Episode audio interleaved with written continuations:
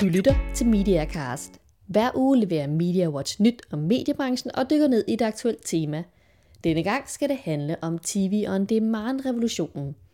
Danskerne ser tv som aldrig før, men det er ikke kun traditionelt flow-tv. TV-forbruget på digitale platforme er i stærk vækst, og nu satser TV3 stort på tv på nettet. I denne Mediacast fortæller TV3's administrerende direktør Kim Poder, hvorfor TV3 og Viasat tror på TV on demand.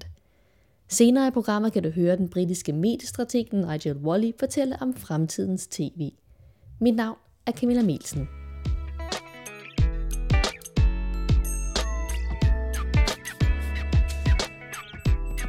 Men først skal vi se på nogle af de største eller mest interessante historier i medierne i den forgangne uge. Anders Hering, du er chefredaktør for MediaWatch. Har det været en travl uge her på MediaWatch, eller er julen ved at nærme sig? Ej, der er stadig fuld damp på i, i mediebranchen, synes jeg. Der, der er sket mange ting, også i denne her uge. Så sent som i dag har vi lige skrevet, at øh, Ritzau's store spareplan, den bliver endnu større. De var ude for 14 dage siden, eller et par uger siden, og meddele, at de skulle spare 12 millioner og nedlægge 15-20 stillinger, og nu, øh, nu skal de så åbenbart spare yderligere 2,5 millioner, og, og det viser sig, at årsagen blandt andet er, at de har fået stjålet to computere, øh, og, og ja, det lyder selvfølgelig lidt, øh, lidt, lidt mærkeligt, men, men, men det bunder åbenbart i, at, øh, at man har lavet øh, nogle beregninger, som ikke var helt færdige, og så meldte man ud på, bag, øh, og grund til, at de ikke nåede at blive helt færdige, det er fordi, at de her to computere, hvor beregningerne var blevet lavet på, åbenbart er blevet stjålet. Men man valgte så at melde ud alligevel med på baggrund af de forløbige beregninger. Og, øh, og nu er man så, nu er man så kommet, nu er det blevet mere præcist, hvad, hvad der så rent faktisk skal spares, og så viser det sig så, at der skal spares yderligere. Så det er jo noget, det er uheldigt, kan man sige, og, og en lidt speciel, speciel sag. Og så viser det sig samtidig, at der er nogle, øh, at der er nogle kunder, der har opsagt nogle flere aftaler oven i, oven i hatten, tror jeg. Så, så ja, det er en hård tid for Ritzau. Hvad har Media Watch ellers skrevet om i ugens, ugens løb? Så har vi skrevet, så har øh, vores nye kulturminister øh, fyldt øh, lidt igen, kan man sige. Den her gang har det været med, med, med en udmelding om, at journalistlønningerne er, er, jeg tror han konstaterede, at de var højere end i Sverige, og at øh, det var et øh, tema i, i øh, debatten, hele den her store debat om, om mediestøtte, og det har jo vagt en masse røre i branchen, og, om, og, om, om han skal blande sig i det og så videre, men, men egentlig synes jeg, det mest det er et udtryk for, øh, at vi har fået en, øh, vi har fået en, øh, en ny kulturminister, som måske kommer et lidt andet sted fra end, end, end, end hans forgænger, og, og ikke er bange for og, og have lidt kanter og, og, og sige nogle ting, der kan skabe, der kan skabe røre i andendammen. Og, øh, det er jo et eller andet sted, det er jo meget, øh, er det, er det jo meget spændende for, for os som, som mediemedie, at vi har fået sådan en, og vi må håbe, at den ikke bliver bliver, bliver, hans kant ikke bliver taget helt af ham af spindokter og, og embedsmænd er alt for hurtigt. Er der nogen andre mediehistorier, som fylder i ugens løb? Jamen, der er flere andre ting. Altså, blandt andet har vi jo skrevet om øh, regeringsplaner her om at, at lægge afgifter på, på de her tilbudsaviser, øh, og hvad det betyder for, for medierne, fordi det er jo enormt mange reklamekroner, der går den vej, og hvis der lige pludselig bliver afgifter på det, kan det så betyde, at man måske i højere grad vil pakke det ind i nogle aviser, eller tænke på nogle andre øh, måder, man kan få sine budskaber ud på. Og, øh, så det har vi også skrevet om. Vi har også skrevet om besparelser på, på fagbladet Journalisten, og vi har skrevet om, vi har et stort interview med Lars Munk omkring, øh, fra øh, øh topchefen i JB Politikens Hus, omkring øh, hele det her med at tage betaling for indhold på nettet. Øh. Så ja, vi har, der har været masser af spændende ting i, i den her uge. Så julen har ikke ramt medierne endnu? Der er stadig fuld gas på. Tak skal du have.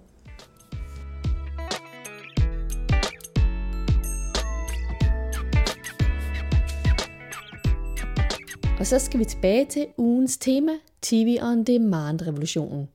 Det er et emne, som er ved at rykke op og ned på magtforholdet i mediebranchen. Hvis man er en tv-station i dag, er den gode nyhed, at danskerne er vilde med tv. De ser mere traditionelt tv end nogensinde før. Men ikke nok med det, danskerne ser også mere og mere tv på andre platforme, som f.eks. computer, tablets og mobiltelefoner. Og mange er villige til at betale for tv på nettet – det kan fx være live fodboldkamp, forpremiere eller unikke udsendelser. Den dårlige nyhed for tv-stationerne er, at den digitale udvikling er ved at rykke rundt på magtforholdet. Så dem, der er de digitale platforme, som f.eks. Apple og Google, de får meget mere at skulle have sagt. Og der kommer stadig flere spillere ind på tv-markedet. Elektronikgiganten Samsung producerer for eksempel ikke bare dit tv, men leverer også gerne indhold og apps til dig. Spørgsmålet er, hvad tv-stationerne kan gøre for at få del i den digitale kage. Det taler jeg med TV3's administrerende direktør Kim Poder om. Han har lige været vært for et brancheseminar om fremtidens tv, hvor han afslører, at TV3 satser stort på tv på nettet i 2012. I det nye år bliver TV3, TV3 Plus og TV3 Puls-kanalerne tilgængelige på computer, tablet og mobil via sitet viaplay.dk. I denne Mediacast hører jeg Kim Poder, hvorfor TV3 nu går ind i TV on demand. Ja, I dag har vi hørt en del, hel del om video on demand revolutionen. Hvordan ser I på den for TV3? Er det sådan noget, I, man, man er lidt frygter, eller, eller er, det, er det især nogle muligheder for jer? Jamen, det er noget, vi glæder os rigtig, rigtig meget over, for det giver også en masse mulighed for, at øh, alle de tv-programmer, som vi jo lægger blod og sved og tårer i at producere for vores seere, at, øh, at bruge dem øh, på en meget bedre måde, at øh, forlænge udsendelser, at komme i kontakt med, med seere, som ikke lige var hjemme på det tidspunkt, hvor det passer vores programplanlægningschef, at sende Robinson. Øh, Øh, så hele on-demand-universet og hele den, den der teknologiske udvikling er jo øh, gave, måske det stort men det er en fantastisk mulighed for, for sådan nogen som os. Også fordi mange af vores seere, de er, de er meget venlige over for teknologi, så de er vant til at bruge teknologi. De bliver ikke skræmt over, at de nu pludselig får mulighed for at, at se TV3-programmerne on demand. Og kan du give et sådan konkret eksempel på, at on demand kan være en god forretning for jer? Jamen, det er en god forretning, dels for den forretning, der hedder Viasat, fordi man abonnerer på programmer, men for, for TV3 er det også en spændende forretning, fordi, øh, fordi man via internettet, hvor on-demand-universet tit er, øh, der får man nogle direkte adgang til forbrugere i form af, at du kan jo klikke, der er direkte adgang til en købshandling for eksempel, hvilket kan, hvilket kan være svært på nettet. Så det, at vi forlænger udsendelser, eller genudsender udsendelser på nettet, giver jo annoncørerne en chance for at komme i kontakt med forbrugerne ekstremt hurtigt. Noget af det tv kan jo selvfølgelig også skabe meget opmærksomhed og opbygge brands og vedligeholde mærkevarer. Men det, der nogle gange kan være svært, det er at få den der direkte call to action. Og der er online media en enormt stor hjælp for vores annoncørers arbejdspartnere. Så det vi kan, det er selvfølgelig dels at give vores seere chance for at gense programmer, de har, eller se programmer, de har mistet, men det giver også vores annoncører mulighed for at komme ekstremt tæt på de fælles forbrugere eller seere, som vi tilbyder. Men, men hvornår har det været en god idé for jer at, at sætte meget på, på video on demand? I, i, i, I dag er det primært lavet i et lukket univers for de få heldige, der abonnerer på for eksempel Viasat. Det, det vi gør her fra det nye år, det er, at vi breder det ud, så alle danskere kan se on-demand-programmer gratis fra TV3. Øhm, og det betyder, at uanset hvilken lille bredbåndsforbindelse du har, så er vores teknologi i dag så avanceret, at så kan man se programmer i en rigtig, rigtig god kvalitet på sin iPad eller på sin PC eller på sin telefon, hvis det skulle være det, man ville. Øhm, så, så det er jo øh, seeing is believing, som vi plejer at sige. Man skal jo se, hvor stort det bliver, men, men vi har jo nogle gode erfaringer fra, fra blandt andet vores, øh, vores kollegaer i Sverige, hvor TV3 også findes, hvor det er vokset enormt meget på meget, meget få år. Altså hvor TV3 ser en vendelse til, at det faktisk er blevet et, et nyt spændende måde at se TV3 på. Øh, og det har øget forbruget af TV3 som tv-kanal. Og det er selvfølgelig noget, noget, selvfølgelig noget af det, som vi synes er spændende, det er, hvis man kan få de mange danske seere til at synes, at vi vil gerne bruge en lille smule mere tid på TV3, for så er chancen for, at vores annoncører kan komme i kontakt med dem, den er selvfølgelig tilsvarende større. Og når I nu bevæger jer så massivt ind på det her video on demand marked, hvad er så den største udfordring for TV3? Den største udfordring er selvfølgelig at, øh, at, at, at sikre at finde den rigtige forretningsmodel, hvor man sørger for, at seerne synes, at det er spændende nok til, at de forbruger det, og samtidig få et godt samarbejde med, samarbejde med annoncører. Så det vi kommer til at bruge en del tid på, det er dialog med annoncører og mediebrugere. Selvfølgelig at finde det rigtige setup for det. Men i første omgang, der prøver vi at gå ud med alt det, vi kan finde af gode programmer. Både programmer, som vi viser i dag, men også programmer fra tidligere sæsoner, hvor der findes masser af gode tv-timer, som danskerne gerne vil se. Øhm, og så er det sådan lidt learning by doing. Altså vi må hen ad vejen se, at vi kan blive rigtig gode til det. Øh, heldigvis så har vi en kortere vej til succes, håber jeg, fordi vi har en masse erfaringer fra vores kollegaer i Sverige. Og fordi vi selvfølgelig i Viaplay-regi, altså Viasat har en masse erfaringer med at lave en Viaplay-tjeneste, vi ved relativt meget omkring, hvordan teknikken skal fungere, og vi ved, hvordan skal man have en kundeservice, hvordan får man sørge for, at, at folk, der har problem, private problemer med deres bredbåndsforbindelse, hvordan kan man hjælpe dem? For det er klart, jo mere man tager TV3 ud over nye medier, jo flere problemstillinger møder man pludselig. Nu kan vi ikke bare pege på fjernsynsfabrikanten og sige, at det er hans ansvar at sørge for, TV3-billedet er, er, er fornuftigt. Men der er en masse andre dele i den værdikæde, som vi skal sikre fungerer. Nu skal I selvfølgelig lige i luften med det, øh, men hvor stor en forretning tror I On Demand bliver for, ja, for TV3 i, i 2012 og også på længere sigt? Hvor stor en procentdel af den samlede forretning vil det blive? Det, det, det, er, svært, det er svært at sætte tal, sætte tal på, men, men øh, mit mål er først og fremmest, at forbrugerne tager sig til sig. At man som en helt almindelig øh, dansker begynder at anvende det og får glæde ved det. At man finder ud af, at det er en helt naturlig del af ens måde at se TV3 på. Det er, at man går på internettet, og så klikker man sig gennem den store buket, buket af programmer, der nu må findes, og så vælger man at se sit program, når det passer ind selv. Øh, det er ekstremt svært at få os at sætte tal på. Øh, vi håber selvfølgelig, at de annoncører, der har hørt det i dag, at de synes, det lyder spændende. Øhm, vi må vente og se. En ting, man måske kan frygte, når man som tv-kanal, det er, hvad der så sker, når man nu bevæger sig ind i det her nye medielandskab, og seerne møder øh, kanalen på mange forskellige platforme. Hvad sker der så med selve tv-kanalens brand? Bliver det stærkere, eller bliver det mere svækket, eller hvordan takler I de her brand-problemer? Altså, der er jo ingen tvivl om, jo flere tv-kanaler, der kommer til, og jo flere kanaler, der findes, og jo flere muligheder man har for at gå ind og håndplukke enkelte programmer på alle mulige devices, jo bedre skal man være til at forklare, hvem man er, øh, hvilken familie man er, TV3, TV3 Plus og TV3 Puls, øh, og hvad den enkelte kanal står for. Øhm, og det er vi sikkert ikke gode nok til, men, men vi arbejder rigtig, rigtig hårdt med det.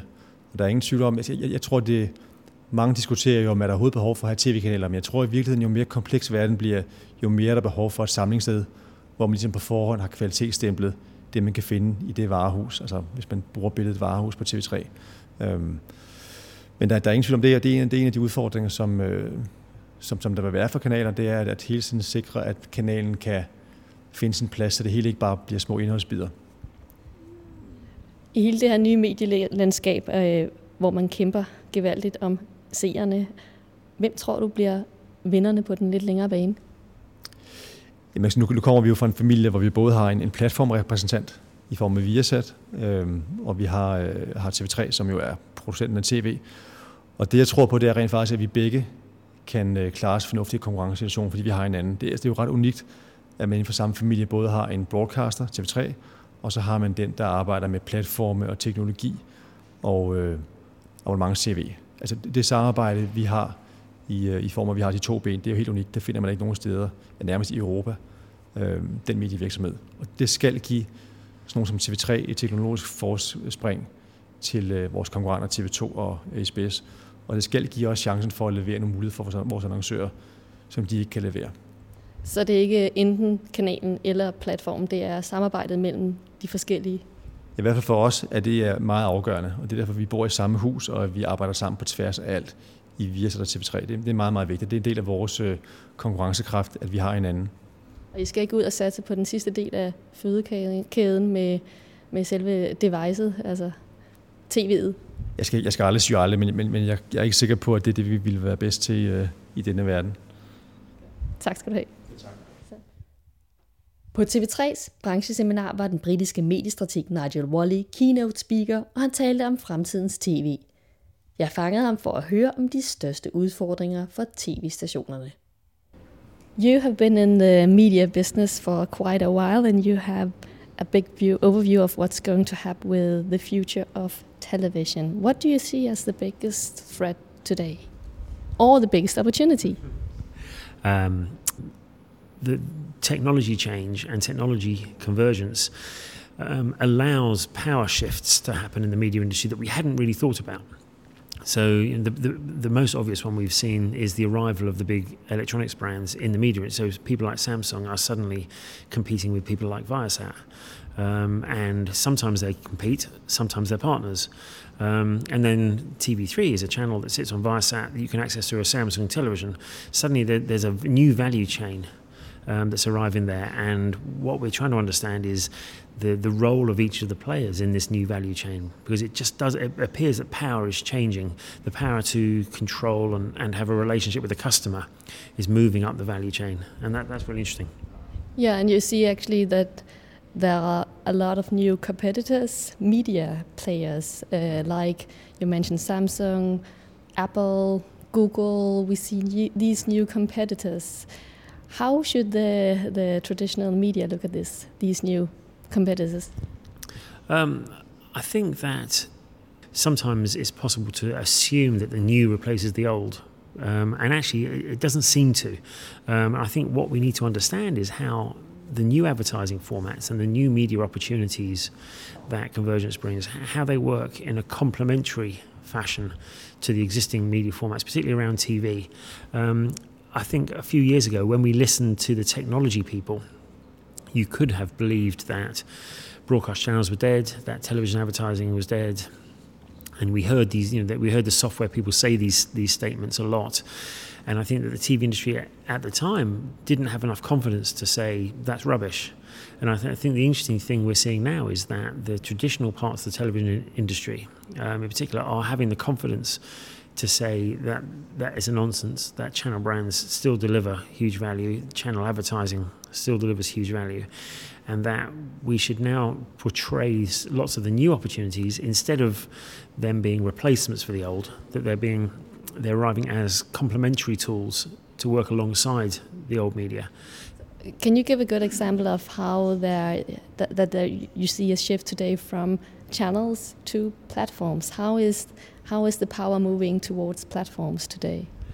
Well, the, there's a number of, of elements to this. The the platforms have a direct economic relationship with consumers in a way that broadcast channels never had. So, um, and that there's, there's one obvious way that, um, and broadcast channels have always believed they had customers, but we're beginning to understand that actually what they had was consumers, and a consumer is very different to a customer. Um, so I, I may buy a can of soup in a, um, a grocery store.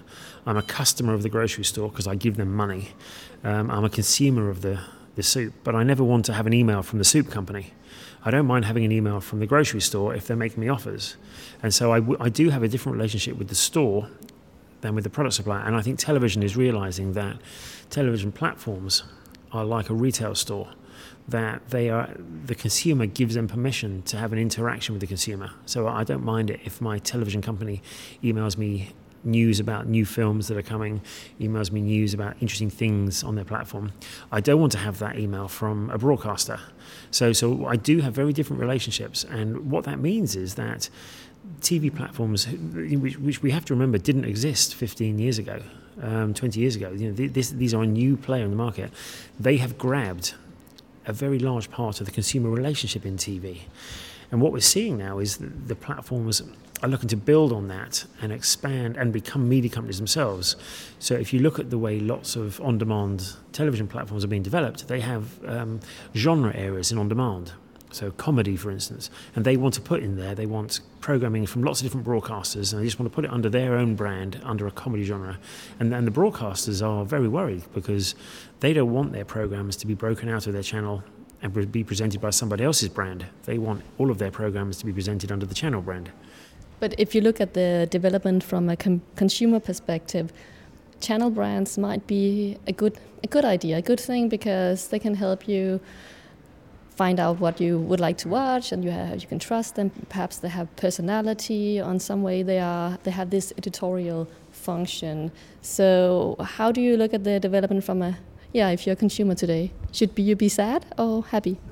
I, I think that if you ask consumers a direct question I don't think they believe they have strong relationships with brands, but I think the whole idea of a brand is a much more subtle, subconscious thing. And I, I do think consumers value brands because the outcome we're seeing on television screens at the moment is very confusing. There is so much content in a new uh, television system that consumers need some way to make decisions. And channel brands have always been the major thing by which we make decisions in television. And I think you're right that, that channel brands do represent an editorial position. They represent somebody making choices on our behalf. Um, they represent a kind of programming. Um, and I think actually those things are really important in, in, a, in a confusing world. Part of the problem, I believe, is that the kind of people who manage channel brands, um, senior people, both in marketing and programming, tend not to be very technically literate. So lots of the decisions about the future of television are being made by software and technology people who themselves don't um, understand some of the softer concepts, the more subtle concepts like editorializing and scheduling and channel brands. Those are very soft and subtle ideas from the marketing industry. And, and so when you talk to technology people, they just assume that in the future we'll all be like them. We'll build our own channels using software. And actually, if you speak to most consumers, they're not that way. They want to sit down and have a channel present um, a range of programs for them. Um, and I, I so I, I, think that we shouldn't let the techies define this future. We, uh, and we, we need channel, we need senior people in broadcast channels to, to, to be more aggressive in defending their, their role in the TV industry. And who will win the game? This is always a, uh, an interesting question. Um, I, I think it, at the end of the day, it comes down to who's got the content. And you come all the way back down the value chain to who, who makes great TV. Because at the end of the day, none of this works unless there's a great TV program. Um, you know, none of this works for crap TV. It all works for great TV. Um, and so it comes down to who still makes great TV. And you come all the way down the value chain to the program makers and the broadcast channels that commission programs. Because that, that's where the power lies at the end of the day. Thank you very much. Denne Mediacast er den 29. udgave, og den er produceret af Milsen Media for MediaWatch og podcastet med hjælp fra Podconsult.